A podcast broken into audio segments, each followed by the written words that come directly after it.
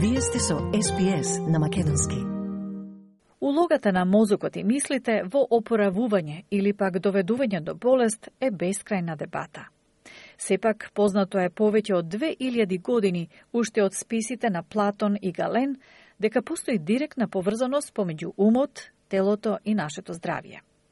Понекогаш самата биологија на ракот ќе го диктира текот на настаните, без оглед на ставот и борбениот дух на пациентот, што значи дека тоа е надвор од контрола на човекот.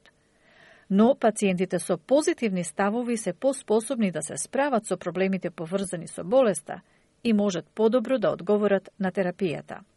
Многу лекари имаат видено во својата пракса како двајца пациенти на слична возраст со иста диагноза, степен на болест и програма за лекување доживуваат многу различни резултати. Една од неколкуте очигледни разлики е тоа што едниот пациент е песимист, а другиот оптимист. На СБС на Македонски, јас сум Радица Бојковска Димитровска и за светскиот ден на подигнување на свеста за ракот 4 февруари разговарам со еден голем оптимист, Дана Трајчевска од Квимбијан. Дана Трајчевска, добар ден. Ви благодарам што одвоивте време да ги споделите вашите искуства со нашите слушатели. Добар ден, Радица, и на вас. Ви благодарам што ме побарате да имаме еден тако проучен разговор, mm -hmm. ради болестите. Дана, вие се изборивте со ракот во минатото. Да, да, да. Извлековте многу поуки од личното искуство. Може ли да ги пренесете и на, на нашите слушатели? По моје искуство, најважно е позитивни мисли и секој да си најде за себе одмор во свое време. Сакате да, кажете дека животот е премногу брз? Премногу е брз и, и ние така сите, не сите, не зборувам за сите, а, лично за мене се зборува, во, во некој момент си мислиш дека чекај да го сторам ова, чекај да го стора она, ако ја не го стора нема ништо да биди, ама во грешна насока се била. Што значи малу трпение, Господа дај здравје и сила, за да може човекот да истрпи сите работи и да е позитивен во секое поле. Ако е еден ден добар, радувај се на него и биди благодарна. Не мисли вчера што поминало, веќе тоа не, нема ништо помош да ни дај. Да, мислите ли дека може би приоритетите на повеќето од нас се, се погрешни? Поминуваме да. повеќе време и обрнуваме повеќе внимание на, на нешта кои не би требало да бидат приоритети и обратно. Да, точно е и, и то многу го правиме несвесно. И така си идат сите работи. Како што можеме да организираме некоја работа, што ќе речеме денеска морам да ја сторам таа работа. Треба прво себе си да си кажеме чекај прво да се одморам, пак работата пак ќе се стори без никаков проблем со, со подобар успех. Да, да се најди заедничко решение со, се, со семејството, со фамилијата, со пријателите.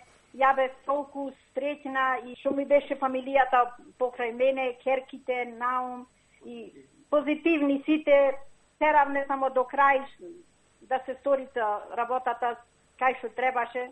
И така испадна и фала му на Господ и фала и за сите доктори што за ја учествувам и помогнаја премногу.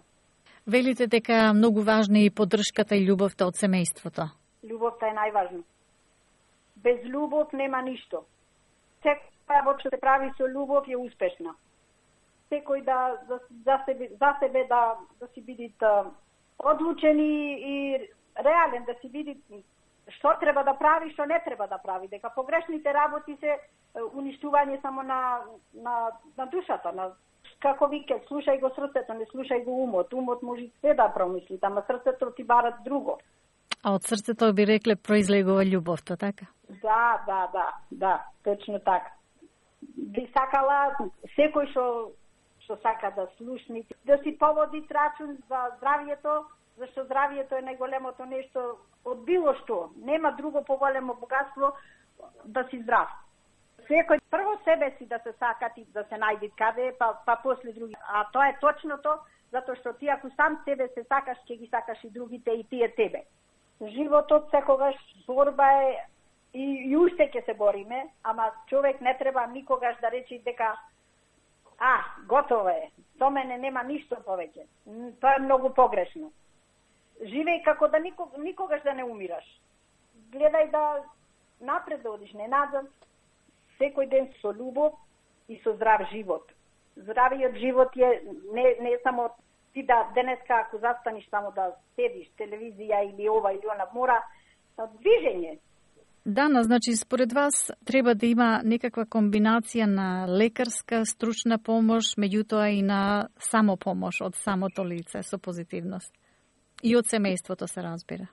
Да, од сите од сите три. Најпрво е како мојата порака е најпрво сами од себе да се гледаш, па потоа да ги да одиш по правилата на докторите, да си земеш одмор, фамилијата е многу важна, поддршката од, од сите ето, мислам по моје многу важно што секогаш ми е задоволство кога ќе се видам, кога ќе и така секој што се наоѓа во таа ситуација, ја мислам дека не треба да да крени трате, само треба да оди напред и да зборот ми е да побарат помош, да не се кријат. Многу луѓе имат што се кријат, не сакат да тајното се знае што треба да се држи, што не треба. Ако ќе имаш проблем, треба да бараш помош. Може помош да најдиш од со некој што не се надеваш. Така треба да разговарат со стручни лица. Сето е полка и призава како што сме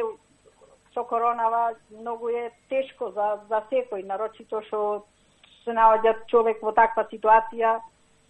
Не како кога пев јас, добро е тогаш што можеше секој да те подсети, ти сега е многу потешко, ама па не треба да се секираме и да се нервираме, за све има крај. Како што има почеток, така има и крај. Само да сме позитивни и со љубов, мисли убави. SPS на Македонски. Споделете ги нашите прилози на Facebook,